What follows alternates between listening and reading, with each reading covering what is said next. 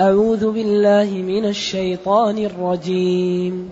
بسم الله الرحمن الرحيم. الله لا إله إلا هو الحي القيوم. لا تأخذه سنة ولا نوم. له ما في السماوات وما في الأرض.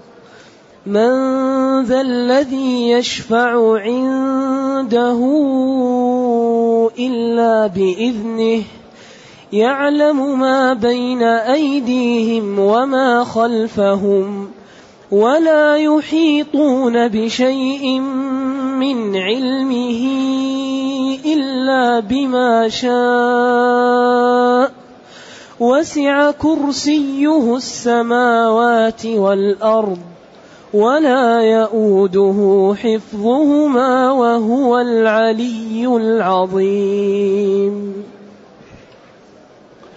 الحمد لله الذي أنزل إلينا أشمل كتاب وأرسل إلينا أفضل الرسل وجعلنا خير أمة أخرجت للناس. فله الحمد وله الشكر على هذه النعم العظيمة والآلاء الجسيمة والصلاة والسلام على خير خلق الله. وعلى آله وأصحابه ومن اهتدى بهداه. أما بعد فإن هذه الآية من أعظم آيات القرآن وتسمى آية الكرسي. وذلك لما حوته من صفات رب العزة والجلال. فقال جل وعلا الله لا إله إلا هو. الله. المعبود بحق وفي اشتقاقه للعلماء أربعة أقوال. القول الأول أنه مشتق من أله يأله إذا تعبد وحذفت الهمزة وشدد اللام كما أن أناسية حذفت الهمزة وشددت النون فأصبحت الناس. القول الثاني أنه من وله ففاؤه واو. والمصدر والمضارع والأمر. إذا كان الفعل مثالا أعني واوي الفاء يحذف فأمر أو مضارع منك وعد احذف وفي كعدة ذاك الطرد. إذا الإله أصلها ولها فحذفت الواو. وقيل من لاها يلوه إذا احتجب أو تحير الناس في قدرته أو لم يروه وقيل هو علم على الذات المعبودة بحق. ولم يسمى الله إلا الله. لكن رب إله لكن الله هو خاص برب السماوات والأرض. ولذا يكثر في القرآن الاستدلال على استحقاق الله للعبادة بماذا؟ بالخلق. يكثر في القرآن الاستدلال باستحقاقه للعبادة بالخلق. وذكر في القرآن كثيرا أن الذي يخلق ليس كمن لا يخلق.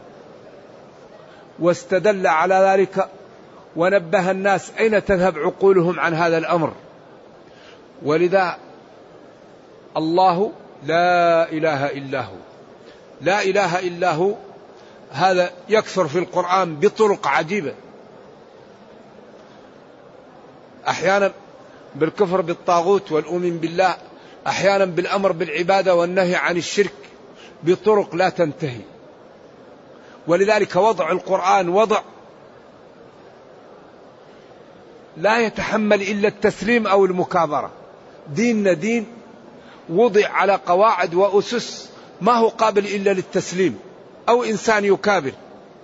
المكابرة كأن تقول هذا السقف جبل تكابر. أو تقول هذه المسمعة مثلا آه، بلاطة أو حجر. المكابرة هو الإنسان ينفي الواقع الذي نفيه لا من المكابرة. فلذا ديننا دين قائم على أسس وقواعد عجيبة. إذا المعبود بحق الله.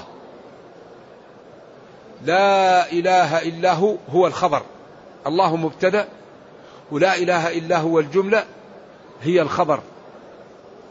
الخبر الجزء إيش؟ المتم للفائدة. الله لا إله إلا هو. تمت الفائدة. إذا لا إله إلا هو هو الخبر.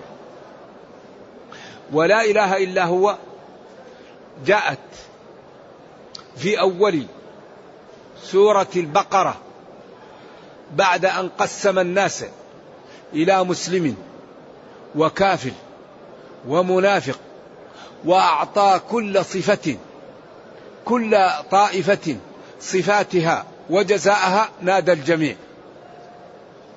لأن الله في أول البقرة قسم الناس إلى ثلاثة طوائف. طائفة مسلمة وطائفة كافرة وطائفة منافقة. وأعطى كل طائفة صفاتها وأعطاها حكمها. هدى للمتقين إيش؟ يؤمنون بالغيب ويقيمون الصلاة ومما رزقناهم ينفقون. والذين يؤمنون بما أنزل إليك وما أنزل من قبلك وبالآخرة هم يوقنون. طيب هؤلاء على هدى من ربهم وهؤلاء هم المفلحون. هل الحالهم أو معهم أحد؟ معهم غيرهم. ما صفاتهم؟ إن الذين كفروا. إن نارك وعدمه بالنسبة لهم سواء. لأن موارد العلم محجوبة. نرجو الله السلام والعافية. هؤلاء إيش جزاءهم؟ ولهم عذاب عظيم. إذا هؤلاء جزاءهم. جاءت صفاتهم. إن نارك وعدمه بالنسبة لهم سواء. ثم قال ولهم عذاب عظيم. هل الحالهم أو معهم طائفة ثانية؟ معهم طائفة ثانية ثالثة. ما صفاتها؟ ومن الناس من يقول آمنا بالله وباليوم الآخر وما هم بمؤمنين. وبين لأن هذه الطائفة استفادت من الدين وكانت كاذبة بين القرآن صفاتها ووضحها وضرب لها الأمثلة حتى تجلت لكل ذي بصيرة ثم نادى الطوائف الثلاثة. قال يا أيها الناس أي يا مسلمون ويا كفار ويا منافقون اعبدوا ربكم. اعبدوه هذا أول أمر في المصحف. لذلك وضع القرآن وضع معجز. لاحظوا معي أن أول أمر في المصحف اعبدوا ربكم. بعدين أحدث تساؤل ضمني من هو ربنا الذي نعبد؟ قال الذي خلقكم وخلق آباءكم وخلق السماء وخلق الأرض وأنزل المطر من السماء وأخرج النبات من الأرض. جاء بأول نهي في المصحف فلا تجعلوا لله أندادا. وهذا معنى لا إله إلا الله الذي هي قوله الله لا إله إلا هو. لا إله إلا هو هي أنفسها اعبدوا ربكم فلا تجعلوا لله أندادا مفرقة بأدلتها.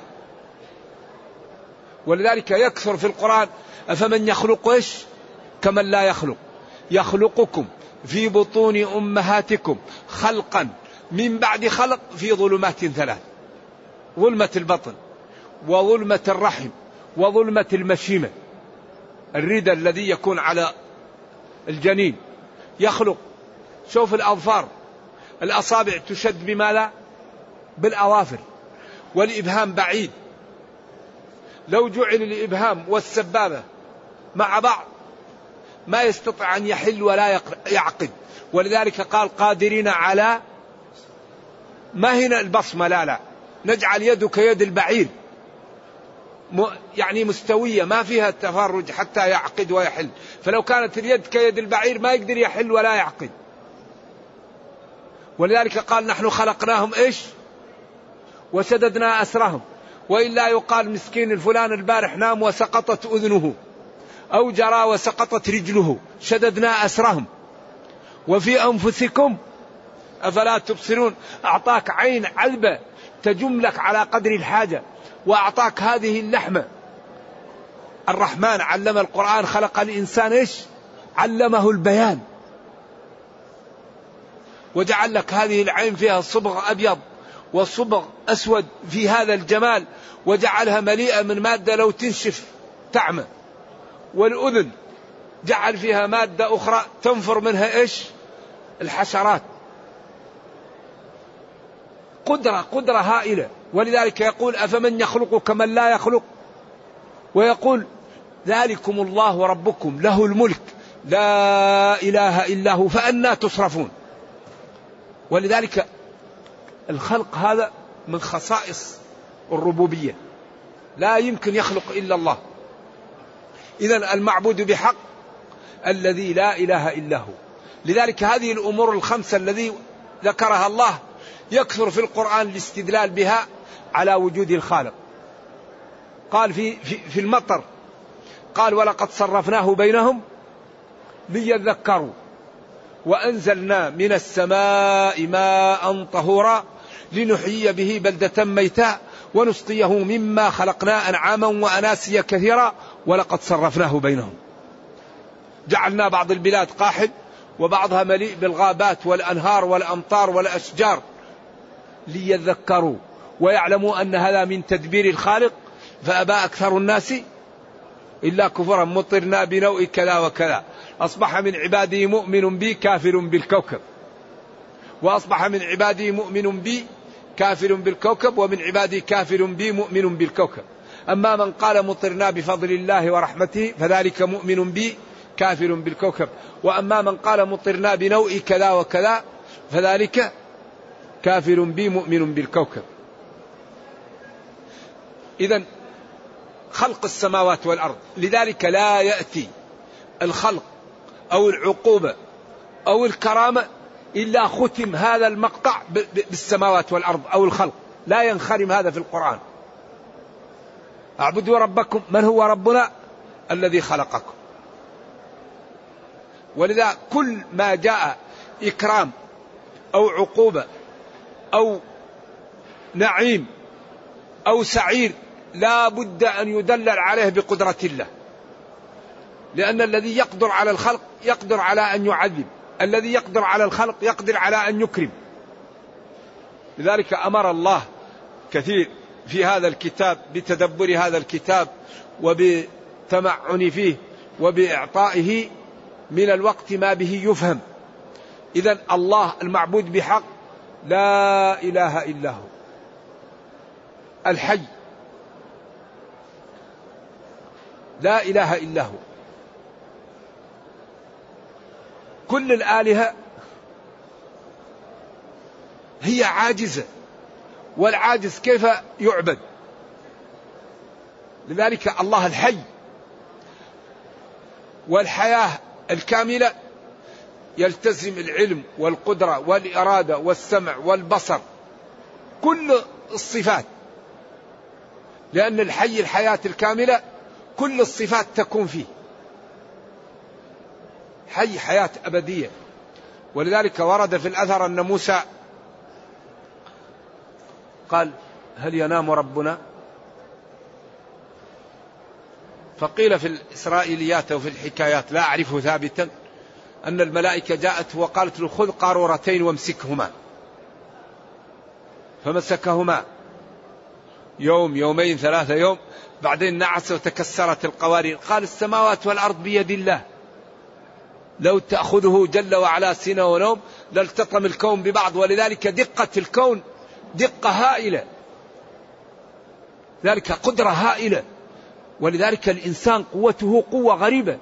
إنا عرضنا الأمانة على السماوات والأرض والجبال فأبين أن يحملنها وأشفقن منها وحملها الإنسان.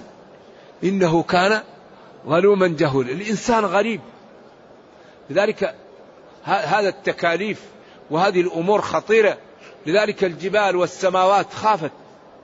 إذا الحي الحياة الكاملة. لا تأخذه سنة. السنة النعاس بداية النوم ولا نوم. لأنه له الغنى المطلق. يطعم ولا يطعم. أنى يكون له ولد ولم تكن له صاحبة وخلق كل شيء. ما المسيح ابن مريم وأمه؟ إيش الآية؟ ما المسيح ابن مريم إلا رسول قد خلت من قبله الرسل وأمه صديقة كانا يأكلان الطعام. هذا تعبير رائع عن الاحتياج أكرمنا الله وإياكم إلى إلى إيش؟ أيوة كانا يأكلان الطعام. انظر كيف نبين الآية ثم انظر أنا يؤفكون. الذي يأكل الطعام لا بد له من ال... والله له الغني المطلق لا يطعم. ولا يطعم هو الذي يطعم الناس ويكسيها ويرحمها ويكلأها ويحفظها. وهو الذي إذا أراد شيئا أن يقول له كن فيكون. لما نهى اليهود عن الاصطياد في السبت وصادوا واحتالوا قال لهم كونوا قردة. فتغيرت أشكالهم. إنما أمره إذا أراد شيئا أن يقول له كن فيكون. فالله جل وعلا هو الحي الحياة الكاملة. أما غيره فحياته زائلة وناقصة ففهمه ناقص وعلمه ناقص وإرادته ناقصة وقوته ناقصة وكل ما عنده ناقص. أما الله فهو الذي يريد يكون. ومن هذه صفاته؟ ينبغي أن يعبد فلا يكفر وأن يشكر وأن تخلص له العبادة وأن تنفذ أوامره وأن تجتنب نواهيه فإن من فعل ذلك فهو كريم وقادر فسيغدق عليه من النعم ما الله بها عليم. إذا من الجنون ومن السفه ومن الحماقة أن لا يكون العبد مطيعا لربه وهو بهذه الصفات. قادر وعليم وكريم ولا تخفى عليه خافية. وأعطى للعبد من النعم ما يعجز عن عدها. وطالبه بأمور خفيفة. فكيف يعصي؟ فكيف يخالف أمر الله؟ والله إن خولف أمره قد يسبب لمن يخالف أمره الموت على الشقاوة. ولذلك من أكبر أسباب سلب الإيمان هو مداومة العصيان. قالوا سلب الإيمان يكون عند الإنسان الذي لا يكترث دائما يعصي ولا يتوب ويعصي ولا يتوب يطمس عليه أعوذ بالله. إذا الله جل وعلا الحي الحياة الكاملة. لا تأخذه لا تأتيه سنة. السنة هي بداية النوم النعاس ولا ينام. لأن السنة تكون في في في العيون أو في الرأس والنوم يكون في العقل يغطى عليه. له أي لله ما في السماوات وما في الأرض. كل ما في السماوات والأرض لله ملكا وتصرفا وخلقا. هذه هي القدرة. ولذلك قال هذا خلق الله. إيش؟ فأروني ماذا خلق الذين من دونه ما قبل هذه الآية. هذا خلق الله. فأروني ماذا خلق الذين من دوني. بل الظالمون في ضلال مبين. إذا ينبغي لنا أن نأخذ من أنفسنا لأنفسنا قبل أن يفوت الأوان. فمن يريد المال الله يغنيه. ومن يريد الجنة الله يدخله إياها. ومن يريد العزة الله يعزه. ومن يريد الرفعة الله يرفعه. ومن يريد أي شيء, أي شيء يريد العبد عند الله. إذا لما لا يطيع العاقل ربه؟ لما لا يسير على ما أراد منه ربه؟ لما يوبق نفسه ويوقعها في الهلكة؟ والله بين له. أرسل له رسول كريم. وجاءه بكتاب تبيان لكل شيء. ولا يوجد خير إلا وهو مبين فيه. ولا يوجد شر إلا وهو مبين ومحذر منه. وأعطي للعبد رأس مال فسحة وهو العمر. فينبغي أن لا يضيع هذا رأس المال وأن يشتغل به في طاعة ربه وأن يجتهد قبل أن يفوت الأوان. إذا لا تأخذه لا تصيبه سنة نعاس ولا نوم حشاه من ذلك. له لله جل وعلا ما في السماوات وما في الأرض ملكا. وخلقا وتصرفا وإرادة. كل ما أراد يقع. لذلك قال أحد المشتغلين في المختبرات اشتغل يقال أكثر من عشرين سنة في مختبر وقال الذي تحققت أن فيه قوة هائلة تأمر على المادة اللي يخلق منها. هذه المادة اللي يخلق منها المخلوقات قال فيه قوة هائلة تقول كن فيلا كن ثورا كن فأرا كن رجلا. لا شك أن فيه قوة هائلة. طبعا الله قال لأن هذه المادة في قوة تأمر عليها فوق البشر. ولذلك ربنا يقول أفمن يخلق كمن لا يخلق؟ الخلق هذا سر. لذلك ولما بين صفات المؤمنين في سورة قد أفلح المؤمنون الذين هم في صلاتهم خاشعون والذين هم عن اللغو معرضون والذين هم للزكاة فاعلون والذين هم لفروجهم حافظون إلا على إلى أن قال إلا على أزواجهم أو ما ملكت أيمانهم فإنهم غير ملومين فمن ابتغى وراء ذلك فأولئك هم العادون والذين هم لأماناتهم وعدهم راعون والذين هم على صلواتهم يحافظون. إيش؟ من هذه الصفات أولئك هم الوارثون الذين يرثون الفردوس هم فيها خالدون. ما الدليل على ذلك؟ ولقد خلقنا الإنسان من سلالة من طين. الدليل قوتي وخلقي لهم من سلالة. إذا قوتي وقدرتي تظهر أني إذا أكرمت فأنا قادر على أن نفعل ذلك. إذا لا بد من تدبر القرآن ولا بد من تأمله ولا بد من إعطائه الوقت. فإذا فهمنا القرآن وتدبرناه وعملنا به أهل الأرض يدخلون في دين الله. لأن الذي ينشر الإسلام هو السلوك. السلوك السلوك. إذا الحي القيوم الذي له ملك السماوات والأرض. لا يأتيه النعاس ولا النوم ولا يشفع عنده أحد إلا بإذنه. ما من شفيع إلا من بعد إذنه. يا أيها الذين آمنوا اتقوا الله وابتغوا إليه الوسيلة الحاجة. فلذلك الذي يريد أن أن تلبى حوائجه وأن يعطى سؤله يسأل ربه. وقال ربكم ادعوني. وقال يا غلام احفظ الله إذا سألت فاسأل الله. وقال أمن يجيب المضطر إذا دعاه. والدعاء هو العبادة. والله لا يشرك في حكمه أحدا. إذا طلب الحوائج من غير الله هذا كمن يقول أن غير الله يخلق. فلذلك ينبغي للعبد أن لا يسأل إلا الله. وحوائج يتعلق بالله. وإن أراد يسأل أن الله يشفع فيه الصلحاء. يقول اللهم شفع في نبيك. يسأل. لأن الشفاعة لا تكون إلا من بعد إذنه. والخير كله في الاتباع. اتبعوا ما أنزل إليكم. لو كان الدين بالهوى أو بالرأي لكان أسفل الخف أولى بالمسح من ظاهره. لكن أمر أن يمسح ظاهر الخف ولا يمسح باطن الخف. لذلك الدين بالاتباع. في وقت صلوا ركعتين. وقت صلوا ثلاثة وقت صلوا أربعة وقت لا تصلوا وقت لكم أن تصلوا بالخيار. حتى يقول المطيع سمعا وطاعة وحتى يقول أعوذ بالله المتعنت لماذا أنا أضع جبهتي في الأرض وأجعل مؤخرتي فوق؟ ما الذي ينفع الله بهذا؟ فيدخل جهنم. لذلك هذه التشريعات كلها ابتلاء ابتلاء واختبار ليطيع المطيع فيكرم ويدخل الجنة. وليعصي العاصي فيهان ويدخل جهنم.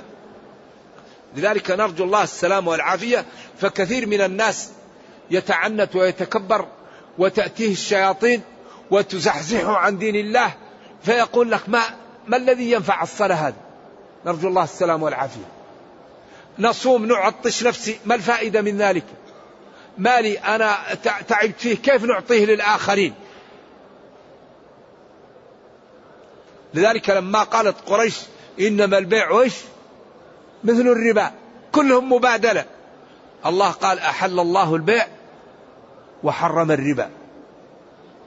إذا ينبغي للمسلمين أن يعيشوا على الطريقة التي رسمها لهم ربهم. ينبغي أن لا نعيش مهملين. الله يقول وما خلقنا السماوات والأرض وما بينهما باطلا. ذلك ظن الذين كفروا. وقال ألف لام ميم. أحسب الناس أن يتركوا أن يقولوا آمنا وهم لا يفتنون. ولقد فتنا الذين من قبلهم فلا يعلمن الله الذين صدقوا ولا يعلمن الكاذبين. فينبغي للمسلم أن يعلم أن هذا الكون أوجده الخالق وأن هذا البشر بني آدم كلفوا. هم أحسن الخلق ولقد كرمنا بني آدم. وهذا التكريم وراه تبعة وهو التكليف والأمانة التي احتملوها. فينبغي لكل واحد أن يعرف ما لا يجب عليه فلا يتركه وما لا يحرم عليه فلا يفعله وأن يجتهد حتى ينجو. أما الذي لا يبالي حتى يدخل القبر عند ذلك يفوت الأوان يقول ليتني نرد ليتني اتخذت مع الرسول سبيلا. يا ليتنا نرد ولا نكذب بآيات ربنا ونكون من المؤمنين. فالآن نحن لا زلنا في الدنيا. فينبغي لكل واحد منا أن يأخذ من نفسه لنفسه. وأهم شيء مثلا أن يتتبع أوامر القرآن. يعمل بها. نواهي القرآن يتركها. آداب القرآن. لأن هذا الكتاب نور. وأنزلنا إليكم نورا مبينا. نور فيه الرفعة والعزة والسماحة وفيه كيف يكون المال وكيف تكون العلاقات وكيف يكون الاقتصاد وكيف تربى الأبناء وكيف يتعامل مع الأعداء حتى يعلمك كيف تمشي في الطريق. ولا تمشي في الأرض مرحا إنك لن تخرق الأرض ولن تبلغ الجبال طولا. الذين إذا أنفقوا قل للمؤمنين يغضوا ولا تقف ما ليس لك به.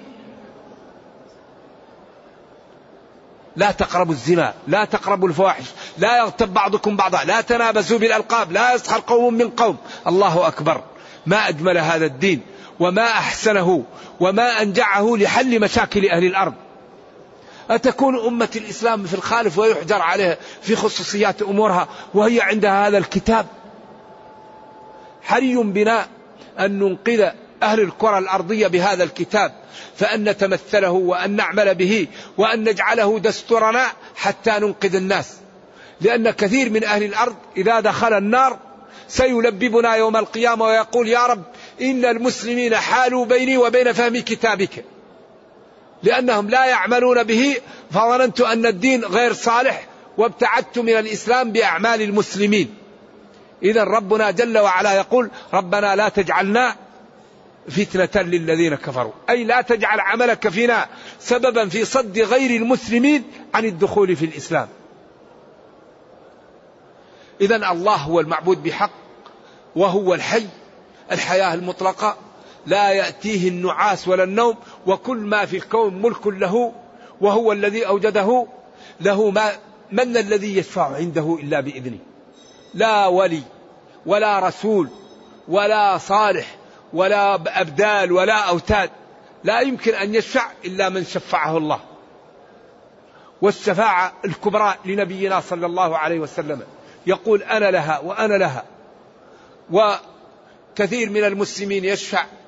والله بين أن المتقي إذا مات وكان ولده من الصالحين ودرجته أقل منه يرفعه له ربه. فقال والذين آمنوا واتبعتهم ذريتهم بإيمان ألحقنا بهم ذريتهم أو ذرياتهم. وما ألتناهم ما نقصناهم من عملهم وإنما تفضلا بهم.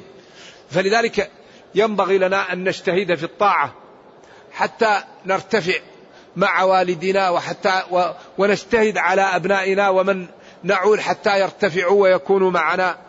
فإن هذا الأمر يحتاج إلى جد وحزم. ولذلك الدنيا حلوة خضرة. ولذا هذه الآية من أعظم آيات القرآن. ولما سأل النبي صلى الله عليه وسلم أبي بن كعب ما هي أعظم آية من القرآن؟ قال له الله لا إله إلا هو آية الكرسي. فقال لي يهلك العلم أبا المنذر فهذا في مسلم وفي غيره. وورد في الأحاديث أنها هي أعظم آية من القرآن لما اشتملت عليه من صفات الله ولما حوت من التوحيد ومن المعاني العظيمة الجليلة. لا تأخذه سنة ولا نوم له ما في السماوات وما في الأرض من الذي يشفع عنده إلا بإذنه؟ لا يشفع أحد إلا بإذنه. والشفاعة المثبتة للنبي صلى الله عليه وسلم والشفاعة المنفية هي التي تكون تحكم ومن غير إذن. ولا يشفعون إلا لمن ارتضى. يعلم ما بين أيديهم وما خلفهم. يعلم ما سيكون ويعلم ما كان ويعلم ما كان لو كان كيف يكون. لا إله إلا الله.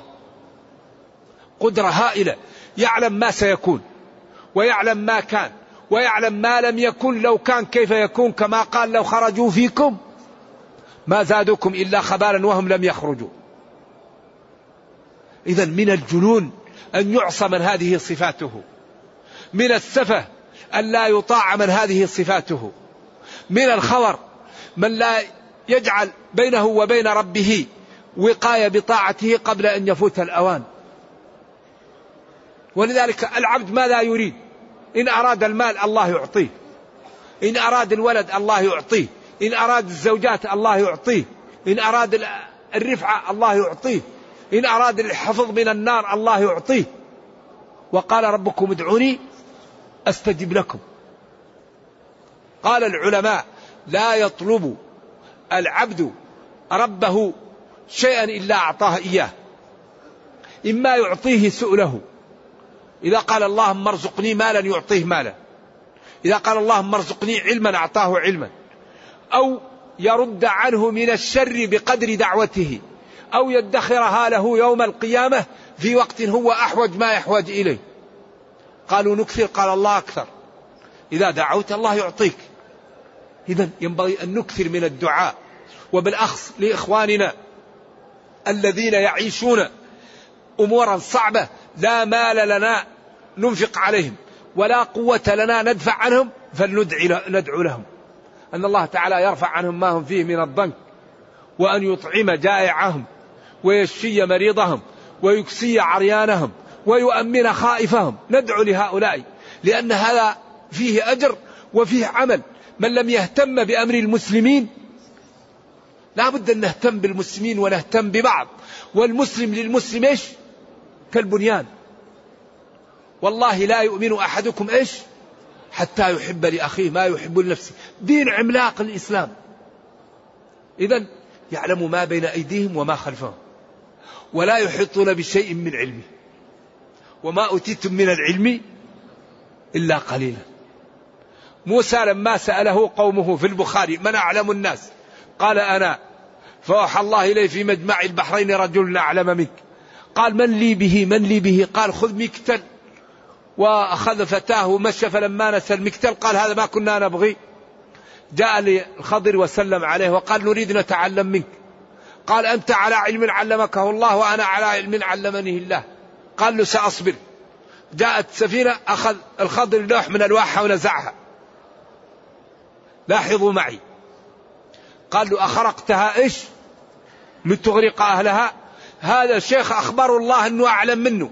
هنا يقول لا يجوز أن ينكر التلميذ على الشيخ ولو بقلبه. طيب وأول معلم وأول شيء هو أول تلميذ هو موسى وأول شيخ في هذا الذي يقولون الخضر. وهم يقولوا لا يجوز أن ينكر على الشيخ بالقلب وهو قال له أخرقتها لتغرق أهلها؟ قال له ألم قل إنك؟ هنا تأدب شوي. وجد ولد قتله قال له منكر نفس زاكية بغير نفس. قال له ألم أقل لك؟ بعدين الجدار وصلحوا قال هذا فراق ولذلك قال ليته صبر حتى زادنا. وفي النهاية قال وما فعلته؟ والخضر نبي وإن أباها من أباها. لأن قتل النفوس وتفسيد الأموال لا يجوز بالإلهام. وينبذ الإلهام في العراء. الإلهام والمنامات لا تؤخذ منها الأحكام. الأحكام تؤخذ من النبوة من الوحي. إذا الخضر نبي وقال وما فعلته عن أمري. إذا لا ينبغي أن يقول ويكتب في الكتب لا يجوز أن ينكر على الشيخ ولو بالقلب. كيف؟ النبي صلى الله عليه وسلم الصحابة قالوا له الرأي والمكيدة أو الوحي؟ قال الرأي والمكيدة قالوا له يا نبي الله لازم نغور الآبار ونكون يكون ورانا. ففعل. ولما قال لهم لا تؤبروا النخل بعدين قال لهم أنتم أعلموا بأمور دنياكم. إذا في فرق بين الوحي وغير الوحي. الوحي يجب. أما المنامات والإلهامات هذه ما يؤخذ منها الأحكام الشرعية وإنما يستأنس به أما الحكم الشرعي من الكتاب والسنة والإجماع والقياس السليم المعارض السالم من المخالف. كما قال للرجل الذي قال إن زوجي ولدت غلاما أسود. قال له لك إبل؟ قال له نعم. قال ما ألوانها؟ قال حمر. قال هل فيها من أورق قال نعم. قال من أين جاءه قال لعل عرقا نزعه. قال للولد لعل عرقا نزعه. الأعرابي يعني مرة استوعب وراح فاهم جدا. أصل وفرع وعلة وحكم والحديث صحيح. لذلك قال العلماء إن الشريعة موضوعة في قوالب متناهية. وأعمال الناس لا تتناهى فوضعت في أمور كل ما استجد شيء ونظرنا في الشريعة نجد موجود. ولذلك رسالة عمر لأبي موسى الذي شرحها ابن القيم في إعلام الموقعين هي جديرة بأن تدرس وتفهم. ولذلك اعتبروا يا أولي الأبصار الحق النظير بالنظير. فهذه الشريعة كاملة ومبين فيها كل ما نحتاج إليه لكن يحتاج أن نقرأها وندرسها. أما يكون أغلب المسلمين لا يحفظ سورة البقرة. مشكل لا نح... كثير من المسلمين لا لا يحسن قراءة القرآن. وقراءة القرآن سليمة فرض عين. لأن الله قال ورتل القرآن وإمام الفن قال والأخذ بالتجويد حتم لازم. من لم يجود القرآن آثم. ولما سمع ابن مسعود رجل يقرأ براءة قال ما هكذا أقرأنيها رسول الله؟ براءة من الله. وكان يقول ولا الضالين يمد بها صوته. وكل حرف له خمس صفات وله مخرج. فكثير من المسلمين يعني مقصر في فرض عين وهو قراءة القرآن قرآن قراءة سليمة. والذي يأتي للمصحف ويقرأ فيه من غير شيخ هذا أقل ما فيه أنه آثم أنه عمل خلاف الأولى. القرآن لا يقرأ وجادة. القرآن لا يقرأ إلا بشيخ. رب العزة والجلال علمه جبريل وجبريل علمه للنبي صلى الله عليه وسلم والنبي صلى الله عليه وسلم علمه الصحابة والصحابة علموا التابعين حتى وصل إلينا.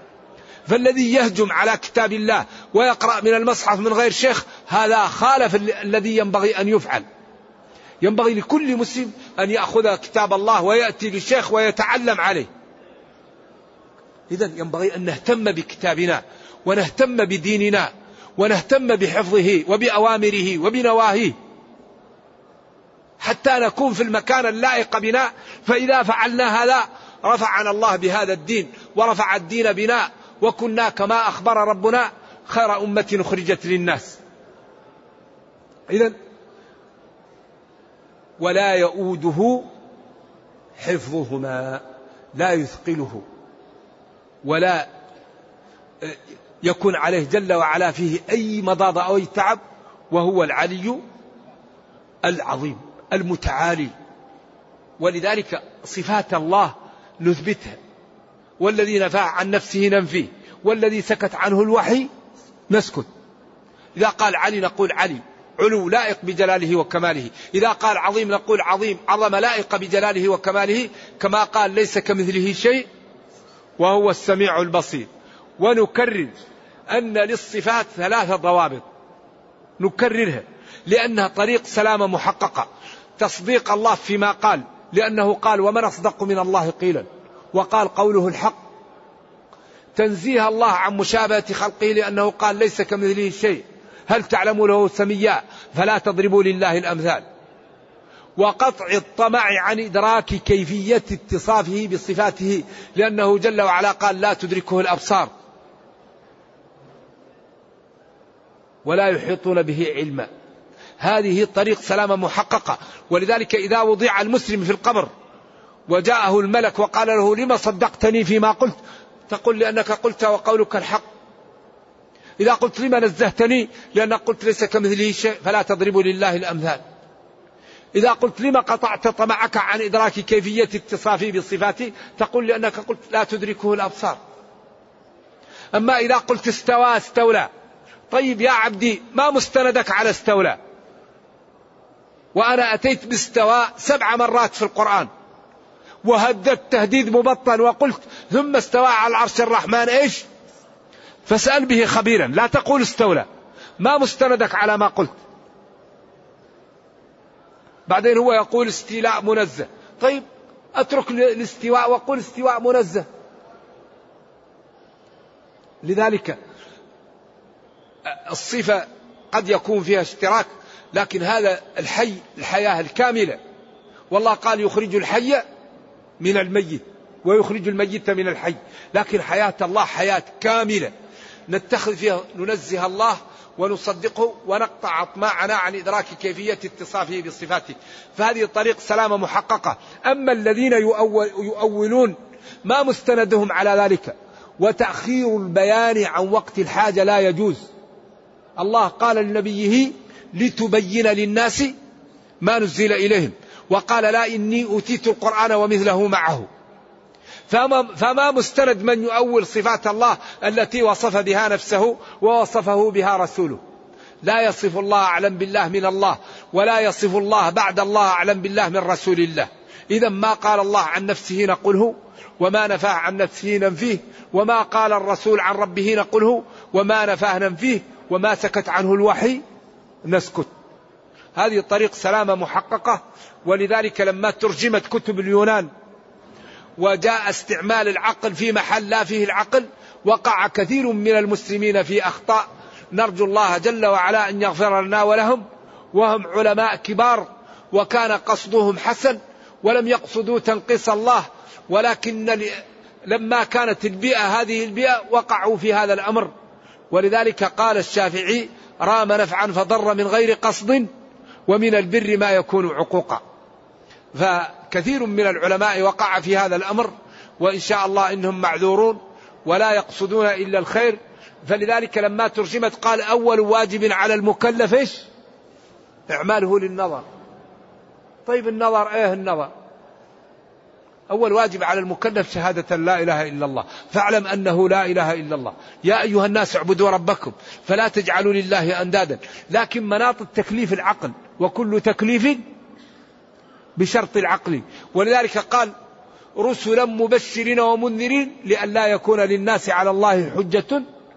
ما قال عقلا مهداة لئلا يكون للناس على الله حجة بعد العقول. وقال وما كنا معذبين. ما قال حتى نمنح عقولا حتى نبعث رسولا. وقال كلما ألقي فيها فوج سألهم خزنتها ألم يأتيكم نذير؟ ما قال ألم يأتيكم عقول؟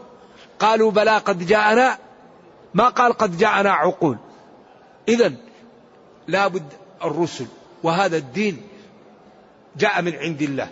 فنحن إذا انضوينا تحت النصوص أصبحت حياتنا فيها النور وأصبح العلم القليل مبارك وأصبح الإنسان يعيش السعادة. أول شيء تنضوي تحت الكتاب والسنة. فإذا لم تجد كتاب والسنة أقوال العلماء والصحابة والتابعين والأئمة أفضل من أقوالنا. لكن الكتاب اتبعوا ما أنزل إليكم. تركت فيكم ما إن تمسكتم به لن تضلوا. فإن تنازعتم في شيء فردوه إلى الله والرسول.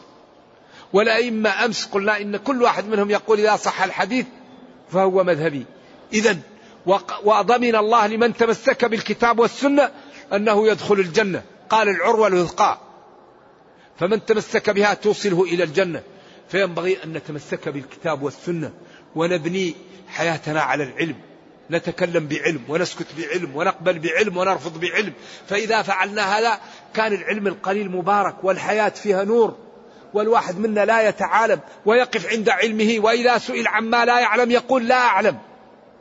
لأن الله يقول ولا تقفوا ويقول إذا ما قتلت الشيء علما فقل به ولا تقل الشيء الذي أنت جاهله. فمن كان يهوى أن يرى متصدرا ويكره لا أدري أصيبت مقاتله. والكل من أهل المناحي الأربعة يقول لا أدري فكن متبعه إذا هذه الآية تسمى آية الكرسي. وهي أعظم آية لما فيها من صفات الجلال والإكرام والعظمة والقدرة لربنا جل وعلا فحري بنا أن نتبع أوامره ونجتنب نواهيه ونتأدب بالآداب التي أمرنا بها وأن نصفه بما وصف به نفسه وننفي عنه ما نفى عن نفسه ونسكت عما سكت عنه الوحي. ونسدد ونقارب ونكرم جميع الناس. نكرم جميع الناس. الطيب نكرمه لأنه طيب والبطال نكرمه لإزالة البطالة عنه. فطالما استعبد الإنسان إحسانه. فالمسلم يكرم جميع الناس الطيب يكرمه لأنه طيب والبطال يكرمه ليزول ليزيل البطالة عنه. فأنت إذا أكرمت الناس أحبوك فإذا أحبوك قبلوا منك وسمعوا توجيهك. ولذلك الله جعل جزء من مال المسلمين العام لتأليف القلوب. قال والمؤلفة قلوبهم. وبالقصة هذه صاحبة الإدارة القوية لما أرسل لها نبي الله وملكه الكتاب قالت وإني مرسلة إليهم بهدية. اللها تفتح لها. اللها العطية واللها الفم. الذي تكرمه إذا رآك يفتح لك فمه ويضحك لك. ولذلك الله قال وضرب الله مثلا كلمة طيبة كشجرة طيبة. أصلها ثابت وفرعها في السماء. تؤتي أكلها كل حين بإذن ربها. ويضرب الله الأمثال للناس. والله بكل شيء عليم. ومثل كلمة خبيثة كشجرة خبيثة واحد عنده جار لا يصلي ما يقول له يا خبيث قوم صلي وإنما يأتيه بهدية ثم يأتيه الشهر الثاني بهدية ثم يأتيه الشهر الثالث بهدية ويقول له يا عبد الله إيش رأيك نصلي في المسجد؟ يقول لك حاضر أمر لأن الهدية تفعل إيش؟ فعلها في النفوس.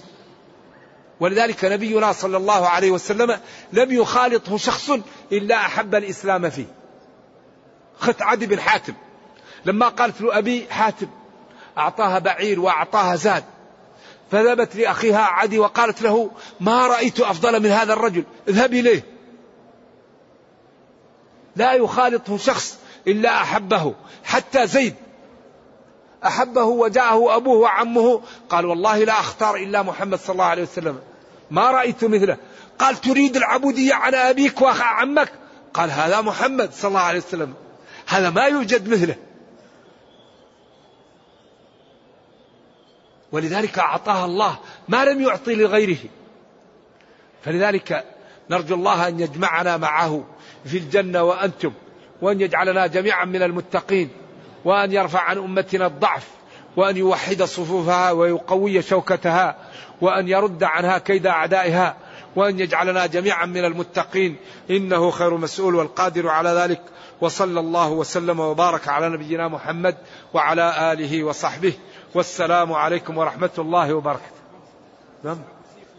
الكرسي للعلماء فيها أربعة أقوال أو خمسة. قيل علمه وقيل هو موضع القدمين وقيل عرشه وقيل ملكوته وأقوى شيء أنه موضع القدمين لوجود الآثار بذلك.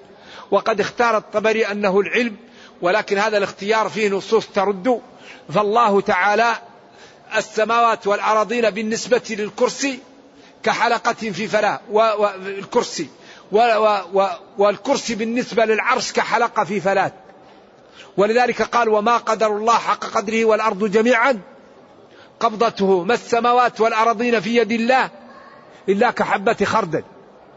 لذلك أهل الحلول مساكين قلوبهم مليئة بالتشبيه. إذا كانت السماوات والأراضين في يد الله كحبة خردل كيف نقول هذا الذي يقوله أهل الحلول؟ إذا ولذلك قال ويحك إنه الله. فلما تجلى ربه للجبل جعله دكا. نور أنا أراه. لو كشفت سبحات وجهه لانتهى لاحترق ما انتهى إليه بصره. جل وعلا. إذا كان خلق جبريل يضع جناحه تحت الكرة الأرضية ويقلبها بقوم لوط القرى كلهم ضع جناحه تحته وقلبها بهم وهذا خالق جبريل. ولذلك عظمة الله فوق مما يتصور. شوف ولو أن ما في الأرض من شجرة أقلام والبحر يمده من بعده سبعة أبحر وجعلنا البحار مدادا والأشجار أقلاما وجلس البشر يكتبون مضروبين بالحصى بلايين السنين لجفت البحار وتكسرت الأقلام وما نفدت كلمات الله. ما خلقكم ولا بعثكم هذا الله. ولذلك من الجنون والحماقة أن يعصى وأن يخالف أمره.